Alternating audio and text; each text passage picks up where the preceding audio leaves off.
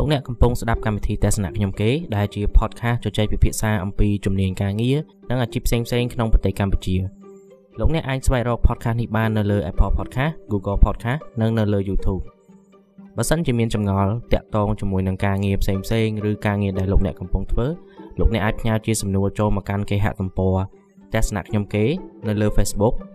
ហើយខ្ញុំនឹងរៀបចំជាចម្លើយជូននៅចុងសប្តាហ៍រៀងរាល់ថ្ងៃអាទិត្យបាទអញ្ចឹងដើម្បីកុំឲ្យខាត់ពេលយូរយើងចូលទៅកាន់អេពីសូតថ្ងៃនេះតែម្ដង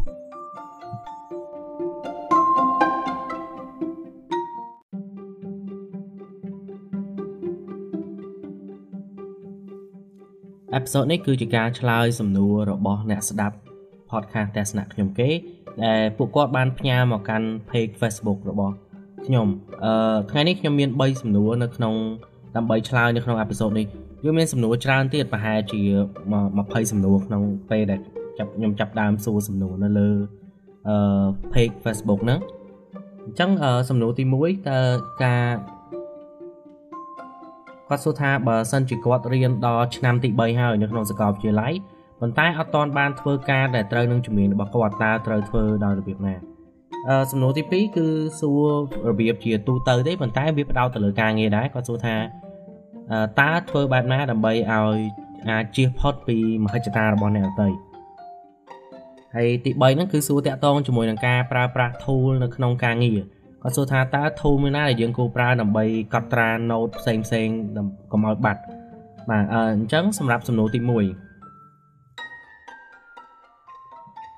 បើសិនជាយើងរៀនដល់ឆ្នាំទី3ហើយយើងអត់ទាន់អាចរកការងារដែលត្រូវនឹងជំនាញរបស់យើងបានណា ដំបូងគេ import យើងកុំទាន់អាស្លន់ស្លោយើងគួរតែសួរខ្លួនឯងសិនថា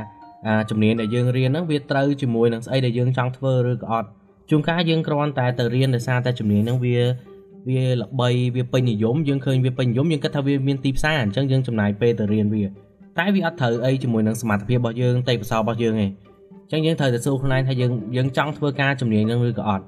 បើសិនជាយើងចង់អាហ្នឹងចាំយើងបន្តទៅខាងចំណុចបន្តទៀត គឺយើងចាប់ដើមសួរគ្រូដែលបង្រៀនមុខវិជ្ជាហ្នឹងមិនមែនសួរគ្រូផ្សេងទៀតទេសួរគ្រូដែលបង្រៀនមុខវិជ្ជាតកតនឹងជំនាញរបស់យើងហ្នឹងសួរគាត់ថាអឺ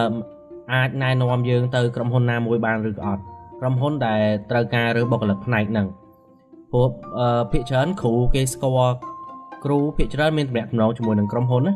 ពេលដែលគេក្រុមហ៊ុនត្រូវការរើសបុគ្គលិកគេតាក់ទងតាមគ្រូមកគេទុកចិត្តគ្រូឲ្យរើសបុគ្គលិកជាងការទុកចិត្តការផុសពាក្យចោលដើម្បីឲ្យ សិស្សដាក់ទៅធ្វើការអញ្ចឹងបើសិនជាយើងបានការណែនាំពីគ្រូគឺយើងអាចចូលធ្វើការលឿនជាងហើយវាត្រូវនឹងក្រុមហ៊ុនដែលយើងរៀននឹងផង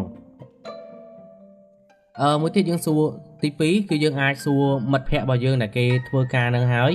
ព្រោះបើសិនជាយើងពេញចិត្តនឹងជំនាញហ្នឹងមែនយើងគួរតែស្គាល់អ្នកដែលធ្វើការនៅក្នុងជំនាញហ្នឹងយើងអាចថាឧទាហរណ៍ថាយើងពេញចិត្តជំនាញគ្រូបង្រៀនតែយើងអត់មានរាប់អានអ្នកណាជាគ្រូសោះ ក៏វាអត់កើតដែរអញ្ចឹងយើងគួរតែចាប់ដើមស្គាល់ទៅយើងអាច add friend គាត់នៅលើ Facebook ក៏បានហើយយើងឆាតទៅសួរគាត់ទៅថាគាត់អាចណែនាំការងារឲ្យយើងបានអត់ព្រោះជួនកាលនៅក្នុងក្រុមហ៊ុនគាត់គេរើសអញ្ចឹងបើសិនជាគាត់ប្រាប់ទៅគេរើសជាលក្ខណៈផ្ទៃក្នុងគេអត់ចង់ប្រកាសចេញមកក្រៅទេព្រោះក្រុមហ៊ុនភាគច្រើនហ្មងនៅមុននឹងគេចាប់ដើមរើសពីខាងក្រៅទៅ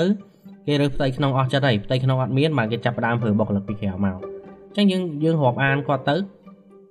ហើយដល់ពេលដែលគាត់មានការងារគាត់អាចនឹងសួរយើងហើយទោះបីជាឥឡូវគាត់អត់ទាន់មានក៏ដោយពេលដែលយើងសួរហ្នឹងគាត់អត់ទាន់មានការងារយើងទេតែដល់ពេលដែលមានគាត់នឹកឃើញយើងមុនគេឬក៏គាត់នឹកឃើញទេពេលប្រហែលខែទៀតយើងសួរម្ដងទៀត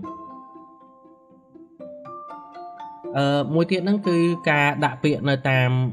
អនឡាញខ្ញុំសូមណែនាំឲ្យប្រើបណ្ដាញសង្គម LinkedIn ដោយសារតែ LinkedIn វាមានការ LinkedIn ស្រួលនៅក្នុងការរកការងារធ្វើ គេខាង HR គេផុសនៅក្នុងនឹងច្រើនអញ្ចឹងយើងចាប់យើងចាំមើលទៅយើងអាចចូលទៅក្នុង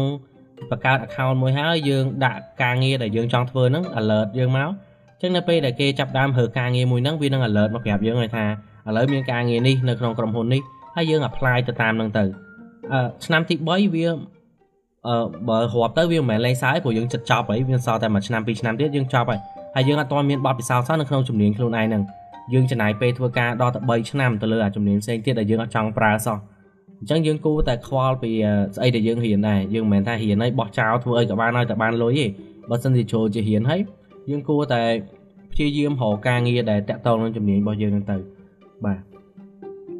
ចឹងសំណួរទី1ខ្ញុំមានតែប៉ុណ្្នឹងទេតាក់ទងជាមួយនឹងអ្នកដែលរៀនដល់ឆ្នាំទី3ហើយហើយបើរៀនដល់ឆ្នាំទី4ទៀតអឺប្រញាប់តិចទៅហ្នឹង